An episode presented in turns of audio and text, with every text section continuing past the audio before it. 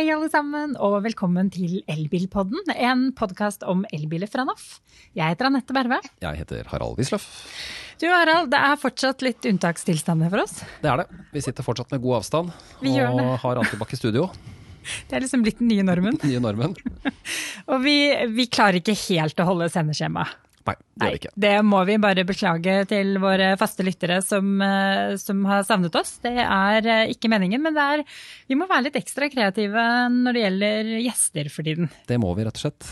Og da har vi, for de som ser på oss, så kan du jo se at vi har ringt opp en, eh, en gammel kjenning. Vi har ringt Øyvind Monn Iversen, som er journalist i bladet Motor.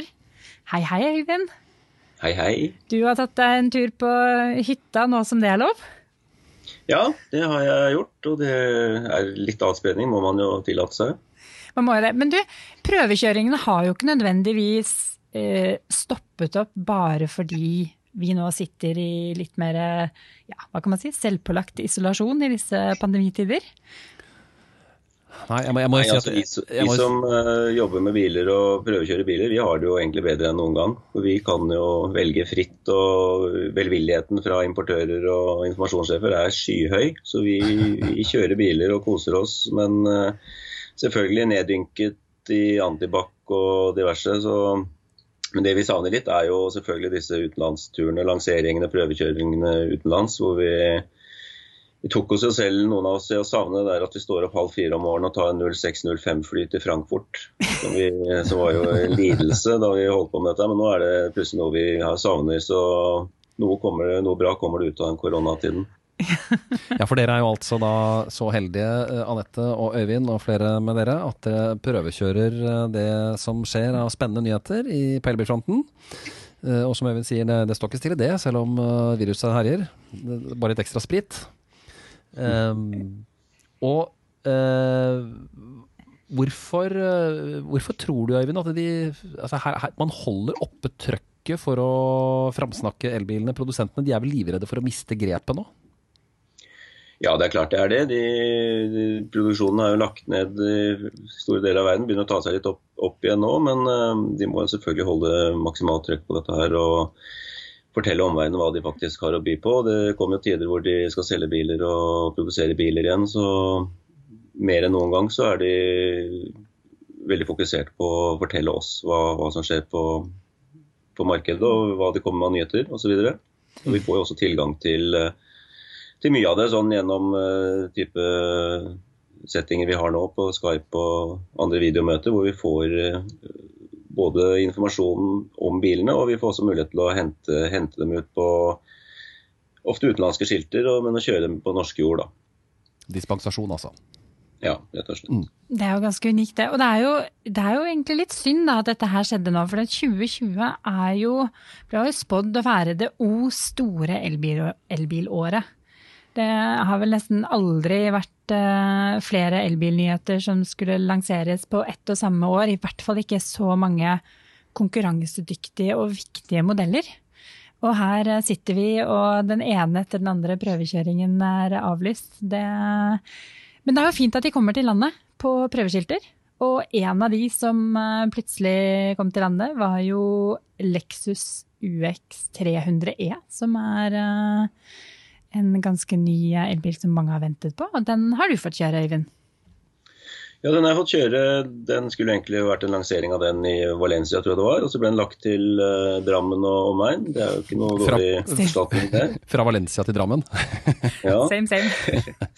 Så de, de blir da skipet opp på, på belgiske skilter, og vi fikk noen voldsomme bunker med papirer som skulle, vi skulle vise fram i tilfelle vi blir stoppet. Jeg ble ikke stoppet, men uh, fikk i hvert fall noen fine dager med den bilen, som jo er en uh, som, ja, Man ender jo opp med et litt sånn blandet inntrykk av den uh, Alexis UX 300E, som den heter. da, For den, den bringer jo ikke noe, noe nytt til verden sånn rent elektrifiseringsmessig. altså Den har ikke noe enestående rekkevidde eller noe enestående ladeevner. Men uh, på den annen side så, så er det en sånn veldig helstøpt bil med skyhøy kvalitet og alle disse Lexus-egenskapene som man forbinder med, med en sånn forfinet, uh, opphøyd Toyota. Så jeg, som vi har snakket om i disse settingene her tidligere, at man må være veldig veldig tydelig på hva slags type bil man ønsker, altså hvilket behov man har. og hvis man ikke skal kjøre så veldig langt og har kanskje maks par og tyve mil til, til, hytta si eventuelt, og ellers ikke trenger disse voldsomme kjørestrekningene med lading underveis, så det, må det være en, i mine øyne en fantastisk bil for uh, for folk med, som er opptatt av kvalitet og et uh, godt eierskap og som har litt penger. Uh, selvfølgelig litt, koster litt over middels eller det man er vant til, men samtidig så har prisen på en uh, elektrisk Lexus nå sunket betraktelig. Så vi er nede på rundt, rundt 400 000 for en, for en godt utstyrt versjon. Men, men altså, det, litt sånn overordna her, fordi Toyota er jo da Dette er jo liksom det, det fine merket til Toyota, Lexus. Og Toyota har jo tidligere vært eh, sagt at eh, elbil er ikke veien å gå. Og så har man hatt eh, jeg tror det er vel en det er vel Rav 4 som av eh, compliance-årsaker er laget som en elektrisk utgave i California. Eh, som til og med er sett brukt importert på norske veier innimellom. Men dette er jo egentlig Toyota-konsernets uh, hva skal man si, første sånn helhjertede, profilerte elbil. Det er det definitivt. og Det er den første som kommer til Europa, som kommer, eh, blir tilgjengelig for folk flest. Så vi har noen oppmerksomme lesere og seere som eh, har gjort oss oppmerksom på at dette faktisk ikke er Toyotas konsernets første elbil, og det har de helt rett i. Men hvis man ser på det som den første folkelige bilen til, for Europa og for folk flest, så er det, er det den første. Mm. Og Det er en sånn frampek for, i forhold til hva Toyota-konsernet kommer med. Nå nevnte du en eh, RAV4. De kommer også med en RAV, ladbar RAV4, som eh, da er den første RAV4 som får en kabel eller en ledning og kan lades. Og så kommer denne her som også kan da som er helelektrisk. Så det, det, begynner å rulle, rulle ut litt fra det konsernet som veldig mange venter på. Da. De har jo også store, store planer selvfølgelig framover, men uh, det er litt sånn som man forbandt med japansk bilindustri da de slo gjennom på på slutten av 60-tallet og begynnelsen av 70-tallet at, at, de tok litt eksisterende anerkjent teknologi og så gjorde de det enda bedre med enda høyere kvalitet. og Det er litt, litt det inntrykket jeg har av Lexus i dag. da. Du har kjørt den du også, Anette? Ja, jeg har det. Jeg tenkte først at vi kunne ta litt, eh, litt de eh, harde faktaene, for de ja. som kanskje ikke er klar over det. Eh, når du snakker om rekkevidde, Øyvind, så er den jo enn så lenge bare målt på NEDC-standarden. Eh, den gamle standarden, den gamle standarden altså, som, som egentlig alle går bort fra. Ja, Og som er veldig lite presis. Der har den fått 400 km rekkevidde.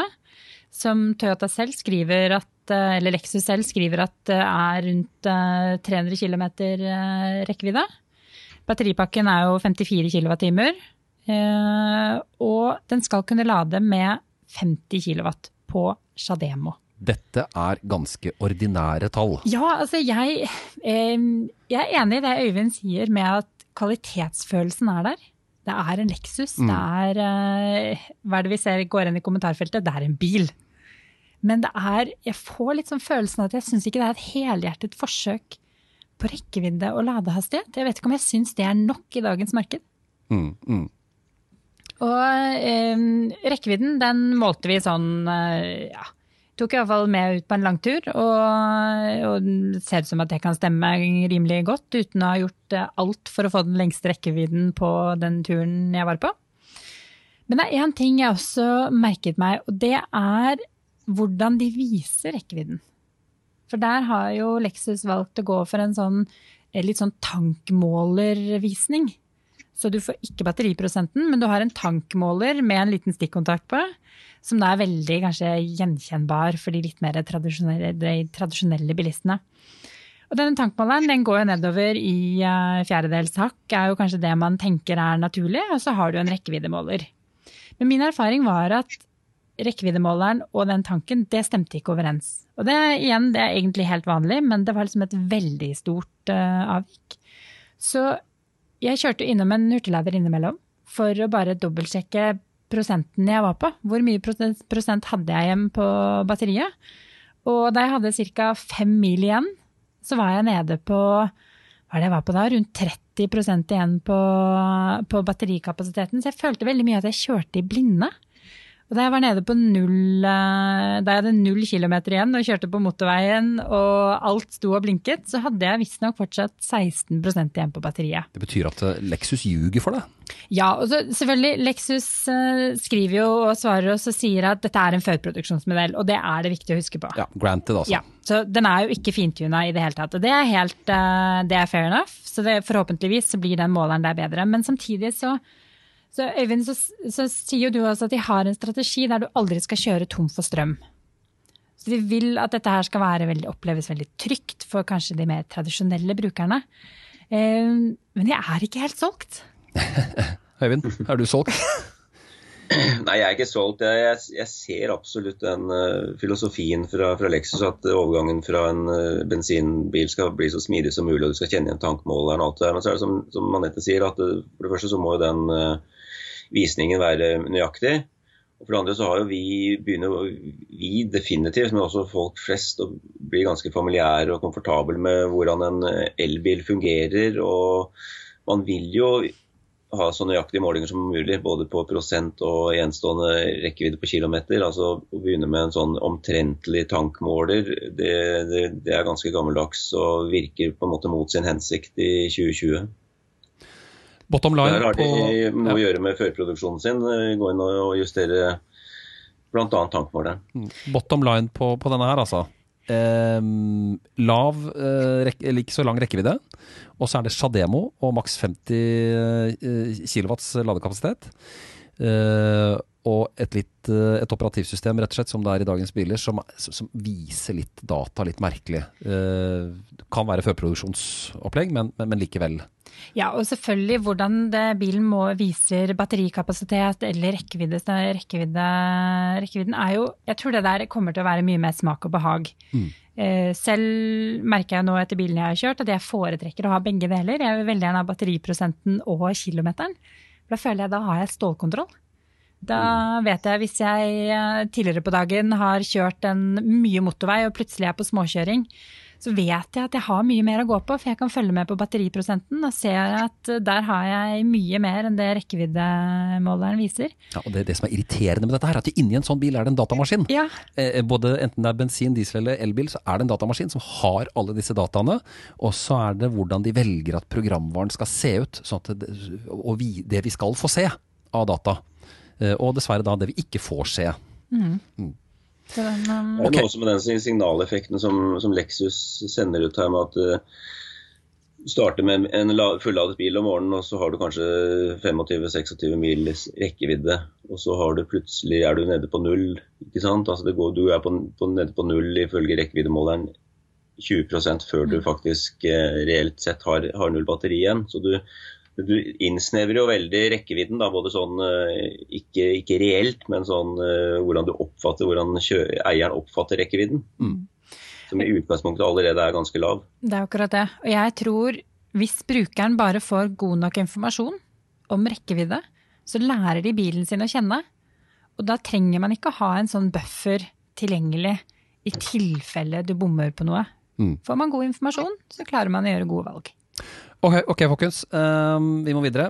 Vi har uh, en annen uh, morsom uh, sak. DS3 Crossback E-Tense av alle lange navn man kan lage. Anette? Det er jo litt kult navn, det. Nei, altså, eh, dette er jo enda et, uh, dette er jo enda et premiummerke. Det er ikke en Citroën? Det er ikke, en, det, er ikke det i det hele tatt. Men det er kanskje ikke så mange som er kjent med DS. For det er jo et relativt nytt merke mm. på markedet.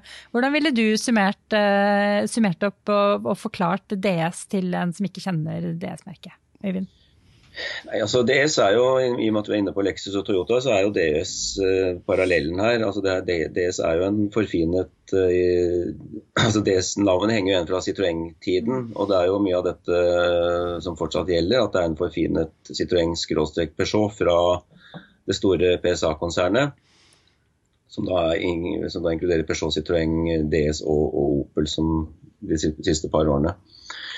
Så det er da en eh, Hva skal jeg si en, en eh, DS3 E-Tens er jo en eh, litt, litt forfinet Citroën Peugeot med litt finere materiale. litt nå har vi kjørt den bare på, når den kommet, nettopp kommet til Norge, men jeg, har kjørt den i, i Frankrike før, før, jul. og Det er jo en, det virker som den er hakket mer komfortabel, hakket mer dempet enn f.eks. en Peugeot E208 som har kommet nå. Men sånne inntrykk gjenstår det å få på, på, norsk asfalt, rett og slett, for det er ganske store forskjeller. Men uh, det er en bil som uh, koster 50 000-60 000 mer enn en Peugeot, en Opel Corsa, så det er en uh, veldig tydelig prisforskjell her. og i, i den prisdifferansen så bør det ligge Mitt inntrykk foreløpig er at det bør ligge litt mer enn den luksusen du får i, litt, i form av litt finere materialer. Så jeg vet ikke om jeg tror DS3 kan få problemer på, på, det norske markedet i konkurranse med de andre, spesielt de fra eget konsern, da, Opel Corsa og Peugeot 208. For da denne her ble den, ble den, ble, jo lansert som en liten sånn overraskelse. Den, den, kom jo bare det med Nyheten om, eh, om en elektrisk DS ble jo bare sluppet over natta.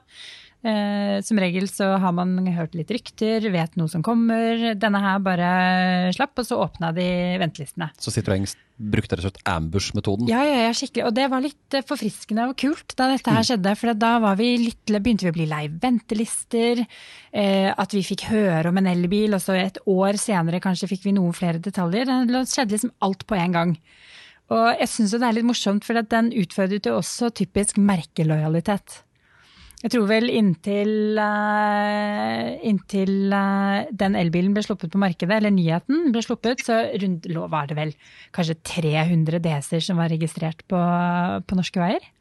Og over natta så fikk de jo inn 1100 bestillinger. Uh, det, er jo, det, er jo, en drøm for et nisjemerke som DS. Mm.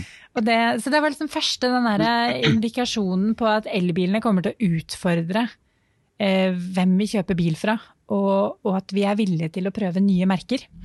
Men da den slapp på markedet, så virket det jo lovende.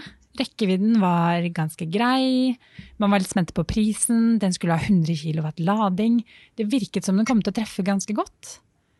Men nå når den er her, så har den for sterk konkurranse. Ja. Rett og slett. Jeg er ganske enig med Øyvind der, at jeg tror den nå i dagens marked har for sterk konkurranse. 50 kWh batteri, mm. 320 km rekkevidde, som vi går ut fra at er WLTP-standard. 100 kW lading, um, og pris over 300 000. Og da hva, Øyvind, hva slags, hva slags, bil er dette sånn størrelsesmessig, og hvilket publikum, altså hvilken kjøper har den sånn typisk? Det er jo, det er jo en bitte liten bil. Den er på størrelse med ja, hva skal jeg si, det er jo ikke altså Peugeot 208 det er omtrent eh, den, den samme fasongen og litt større bagasjerom. Litt uh, dårligere bakseteplass kanskje, uten at jeg har målt i detalj. Men det er, en, det er, en, bil for to personer.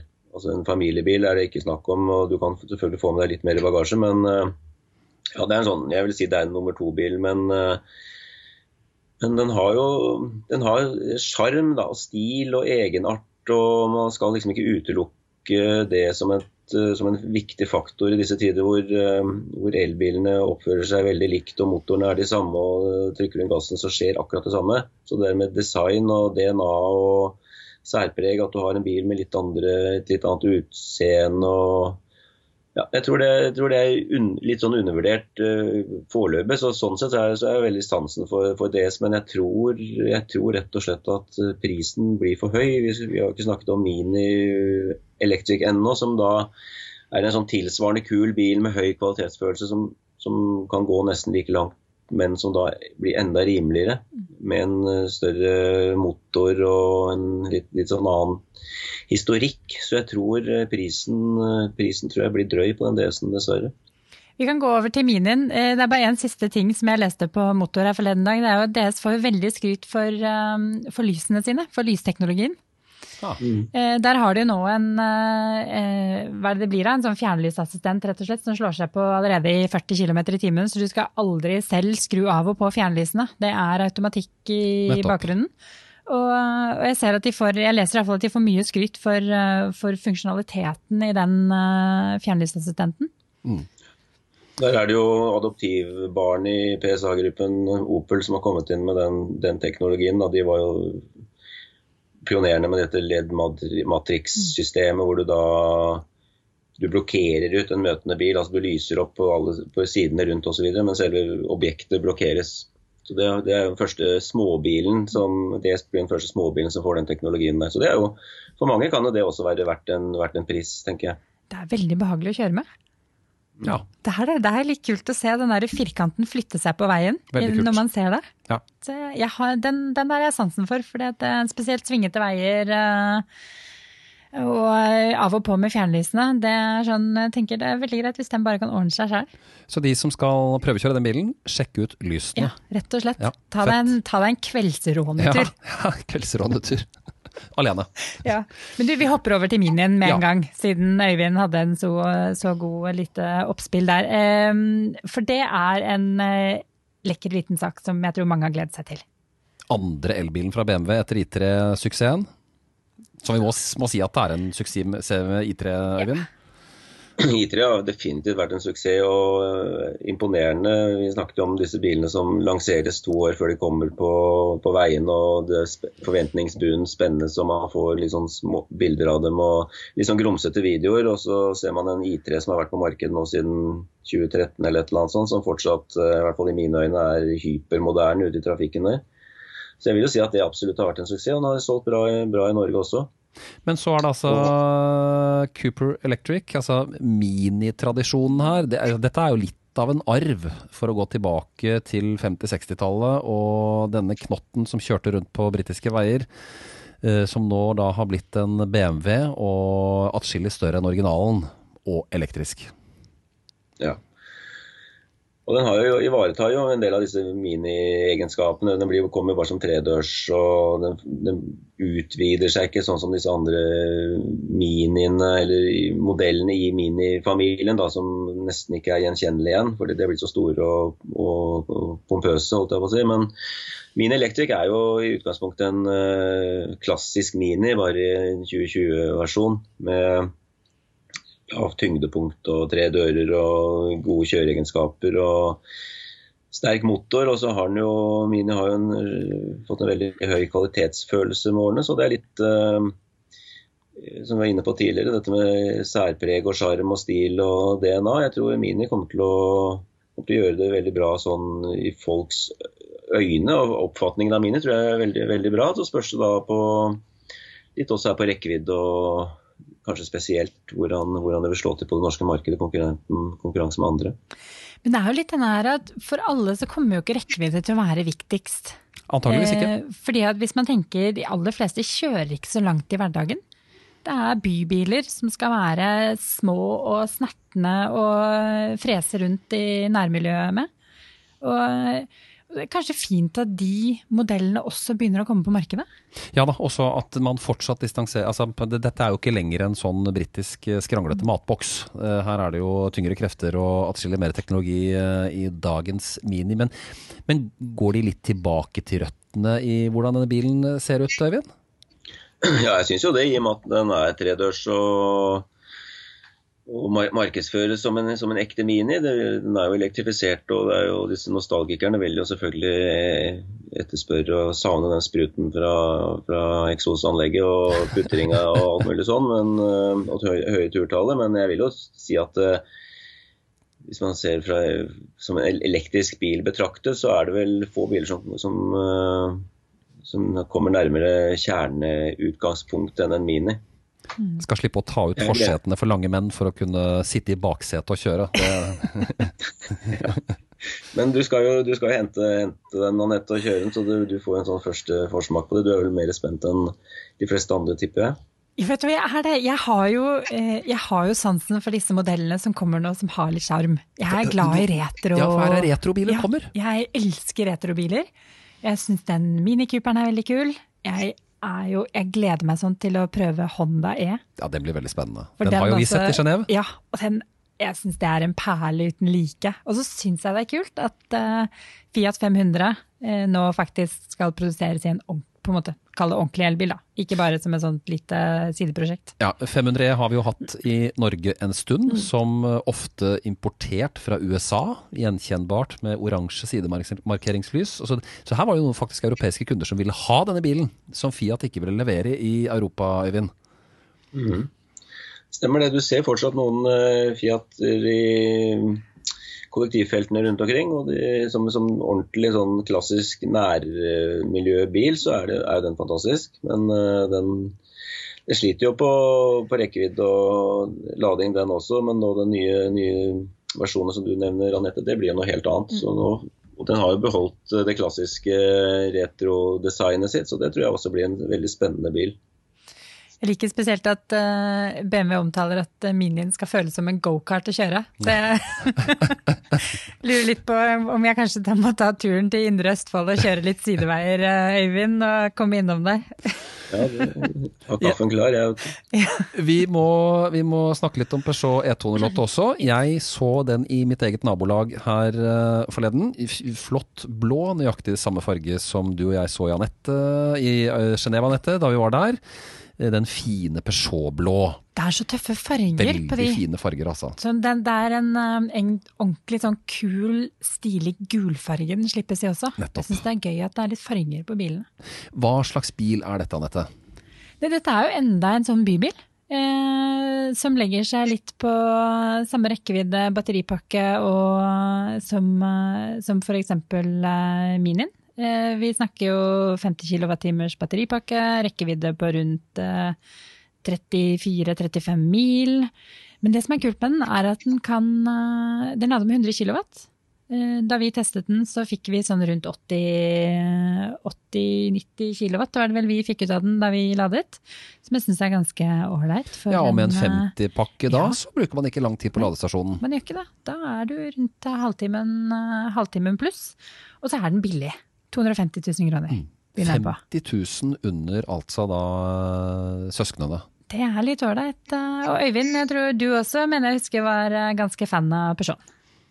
Ja, jeg, jeg, er veldig, jeg var og er veldig fan av Peugeot. Jeg så også den i trafikken før jeg fikk, fikk kjørt den og testet den. Og jeg falt også pladask for, for utseendet og fargene. Så det er en, en bil som, som, du blir glad i å, å se på. Og så blir du enda mer hvert fall for mitt vedkommende, fornøyd av, å kjøre den. Du, du, har jo sånn cockpit, den der eh, i-cockpiten som Peugeot så fint kaller det, som er sånn særpreget med et lite ratt som er avskåret i underkant. Og så har du instrumenthuset på oversiden av rattet, ikke, du har det ikke inni rattkringla, sånn på tradisjonelle biler. Så det, så det, gir også et særpreg og som krever litt, litt tilvenning hvis du ikke har kjørt bilen før, men som fungerer utmerket. og jeg har ennå ikke møtt noen som ikke er spent på deg, Harald, kanskje, men jeg vet ingen som ikke finner en god, god kjørestilling i den bilen der. Det kan bli interessant, Harald. Jeg får, jeg får prøve med mine 194. Ja, vi får ja. se. Men i baksetet skal du ikke sitte, Harald, for dette er også en bil som bare er eh, beregnet for to. Og bitte lite bagasjerom og bitte lite dårlig baksete. Så Men eh, lekker, lekker for to eller én, vil jeg si. Mm. Men det er én ting også med den som jeg vil ta opp. Det er litt det samme som med, med Lexusen. Det er dette her med at de, ehm, de, har valgt en ganske sånn tradisjonell tilnærming til å vise batteriprosent og rekkevidde. Eh, rett og slett, De viser ikke batteriprosenten. De har også den måleren som, som eh, vi går nedover. Men rekkeviddemåleren, der har de gjort et veldig artig grep som jeg aldri har sett før, og som jeg ikke klarte å stille inn på. Og det er rett og slett at de viser rekkevidden i intervaller. Så den går ikke nedover kilometer for kilometer, men rekkeviddemåleren går ned ti og ti mil. Så det betyr at du går fra eh, eh, Eller jo, Eh, så du kjører jo i blinde ganske lenge. Ikke 10 og 10 mil, det er 10 og 10 km, er det vel, ja. hvis ikke jeg husker helt feil. Mm. Ja, eh, Lenge siden jeg har kjørt den. Så du, jeg følte at jeg kjørte litt, sånn, jeg kjørte litt i blinde. Eh, jeg syns det var litt rart å venne seg til at den bare hadde hele tall, og reagerte litt på det. Er det et forsøk på å forenkle informasjonen og ikke være elbilen som blir stående langs veikanten uten strøm? Ja, det er vel det, og at ikke man skal henge seg sånn opp i rekkevidde. Og jeg, ja. jeg, jeg forstår det. Men så vet jeg ikke helt om jeg syns det er veien å gå. Men igjen, det er vel smak og behag, da. Ja, altså dataene fins jo, så de kan utmerket godt uh, visualiseres på nær sagt uh, bil. Det er bare snakk om å få gjort det. Ok. Eniac den har allerede fått da en del eh, Er det Enja vi snakker om? Artisten ja. Enja fra 80-90-tallet. Jeg likte prototypenavnet, eller konseptbilnavnet. Jeg syns nesten det er litt synd at de endret på det. Ja, at de bytta. At de bytta. Jeg, likte, jeg, likte, Vision. Ja, jeg syns Vision er litt kult. Og så ble det altså da en Enjak. Hva tenker du, Øyvind? Ja, jeg har vært, jeg har vært så heldig å få prøvd den bilen borti Dublin. og men det er jo en såkalt embargo på den bilen. Vi får ikke lov å skrive om den eller publisere bilder av den før eh, Skoda-konsernet eller Volkswagen-konsernet forteller oss at nå er tiden inne. Så der er vi Han sitter på hemmeligheter, journalist, journalister som er tøylet og bundet på armer og bein. Men uh, det, det, forholder vi oss til, for vi får jo alternativet er at vi ikke hadde fått kjørt den, ikke fått prøven og ikke kunne fortelle folk hva dette faktisk handler om den, når tiden er inne. Og det er da 7. mai, hvor vi skal få lov å formidle dette her til omverdenen. Og du gleder deg til å snakke om det? Jeg gleder meg veldig til å snakke om det. Jeg får ikke få toppledelsen i Skoda på nakken, så jeg kan ikke si for mye. Men, uh, for det har faktisk skjedd at noen har eh, babla litt og skrevet litt for mye om den bilen allerede. Og det har skapt en viss rabalder på enkelte, for å si det pent. Uansett. Uten å nevne navn. Men jeg, ja, jeg gleder meg veldig til å, til å, lese eller skrive og snakke om den. For det er en, det er en viktig bil for Volkswagen-konsernet selvfølgelig, og veldig lik Volkswagen ID4 og andre modeller som kommer fra, fra den, det konsernet etter hvert. Men jeg, jeg, tror folk som er i markedet for en eh, elbil og kanskje en Skoda, de, de har noe veldig fint å vente på. det Såpass kan jeg si. Da skal vi ikke, skal vi ikke la Øyvind skli ut på glattisen mer. Men Nei. vi slår hvert fall tatt det. Det er Skoda Enjak, og den kommer, og det blir spennende. Ja, vi, kan vel hende vi tar en liten eh, bonusepisode når Øyvind endelig kan prate om den. Ja. Så tar vi en liten uh, kjapp tur innom og ser hvordan uh, den var. Ja. Men før vi avslutter, så har jeg litt lyst til at vi skal sveipe innom en, uh, en ganske ny undersøkelse. om nordmenns bilkjøpsvaner. Mm, dette er en NAF-undersøkelse. Dette er vår egen undersøkelse, hvor vi tar litt tempen på folks ønsker. Hvor vi rett og slett har spurt hva de tror at de skal kjøpe neste gang de skal kjøpe bil og om de eh, tror at de skal kjøpe en elbil neste gang de skal kjøpe bil. Og der har jo andelen som ønsker å kjøpe elbil eh, holdt seg ganske stabil på hverdag, rundt 35, 35 eh, Men så er det litt interessant at det er, det er 29 som oppgir at de ikke skal ha elbil. Og det er egentlig det samme som det var forrige gang vi målte dette her i fjor. Det som har endret seg siden sist, som jeg syns er litt interessant, det er at andelen som er aller mest negative til å skaffe seg elbil, den har økt. Og ikke bare økt litt, den har faktisk gått fra 12% til 22% nå i 2020. Ja, om jeg får ta det, keep it clear. De 35 som sier de ikke skal ha elbil, yes. av de mest skeptiske i disse 35 så har andelen som er ordentlig skeptisk, som virkelig ikke skal ha, den har økt. Og det syns jeg er litt interessant, spesielt ja, når vi da sitter i 2020, som er året hvor det endelig kommer rimeligere elbiler, elbiler med lengre rekkevidde, raskere lading. Så nå begynner virkelig konkurransedyktige elbiler å komme på markedet. Og så er det den trenden vi ser. Hva tror dere skyldes det? Ja, jeg, jeg, jeg, tror kanskje at noe av årsaken er at uh, mange opplever at det er, spesielt med korona nå, da, at det er økonomisk strammere tider. Men, men, jeg tror nok kanskje mye av grunngreia er at eh, veldig mange føler i enda større grad at de faller av lasset. Fordi de ikke har elbil. Eh, tidligere ikke har villet ha det. Eh, at uh, de føler at det ikke fins noen bil for deres lommebok eller behov. Og da, da hardner på en måte frontene, da, fordi myndighetene satser jo veldig på dette. Og det er mye halleluja omkring elbiler, og produsentene kommer. Men så er det de som sitter igjen og sier at ingen skal ta fra meg min gamle Mercedes diesel. For det er bare det med motor som lager lyd, som gjelder. Hva tror du, Øyvind? Ja, jeg tror det er et godt poeng. Og så har jo også NAF vært flinke til å påpeke med ladeinfrastrukturen at den ikke er bra nok. Det i kombinasjon med at eh, man kanskje forventer eller frykter noe, at insentiver forsvinner, så, tror jeg også det at eh, på en måte elbiler, For mange mange år tilbake så var elbiler noe de rike kjøpte seg. Det var folk, folk med penger som syntes dette var interessant og spennende. Og så har det utviklet seg til å bli en, en nummer, nummer to-bil for veldig mange som uh, har ladefasiliteter hjemme. Mens nå, nå den nye fasen er kanskje at nå skal man ha én bil, og man forventer, å, forventer at det skal, kanskje skal være en elbil. Og så setter man seg litt enda dypere inn i alle problemstillinger. Og så ser man på dette med ladeinfrastruktur, man ser på rekkevidde osv. Og, og så Moms uh, mister, mister, fasiliteter i kollektivfelter og alt mulig sånn. Og så tror jeg kanskje at den, den tanken rundt en, en, elbil har modnet mer hos, hos veldig mange enn en ladeinfrastrukturen, først og fremst. Mm. Jeg tror at uh, man har kommet inn til, inn til, kjernen av dem som stiller seg litt på bakbeina og er ganske grunnleggende ganske negative. Mm. Jeg tror Øyvind er inne på noe. Jeg tror ladeinfrastruktur, det der at det er praktisk i hverdagen, og spesielt hvis man skal ha det som en hovedbil, at det er praktisk på langtur. På alle turene man har tenkt til å ta. At man vet at man får ladet. Man får ladet med den hastigheten man vil, og, er, og at det er enkelt å lade. Jeg tror det er et hinder. Jeg tror absolutt det er et uh, veldig godt poeng. Og så er det det at uh, mange vil ikke investere i en ny bil. Det er jo dyrt. Uh, og holder på det de har, rett og slett. Og da er det jo, det blir jo litt sånn bias, da. Du vil gjerne framsnakke det du selv har og står for. En veldig interessant undersøkelse. Det er det, så vi får se hvordan det utvikler seg. Så, får vi ta med én liten detalj også, ja. og det at kvinner er mer positive til elbil enn menn. Faktisk. Uh, hvorfor det, kvinne Anette? ja. kanskje, vi, kanskje, vi, er litt mer villige til å Kanskje vi ser det positive i det med både altså, klima og miljø. Uh, at det er noe litt annerledes. Jeg tror kanskje ikke vi er så redde for det. Eh, jeg vet ikke. Jeg, jeg, er kanskje ikke så veldig tradisjonell eh, kvinne. Jeg syns jo alt, eh, alt, nytt og med motor er spennende.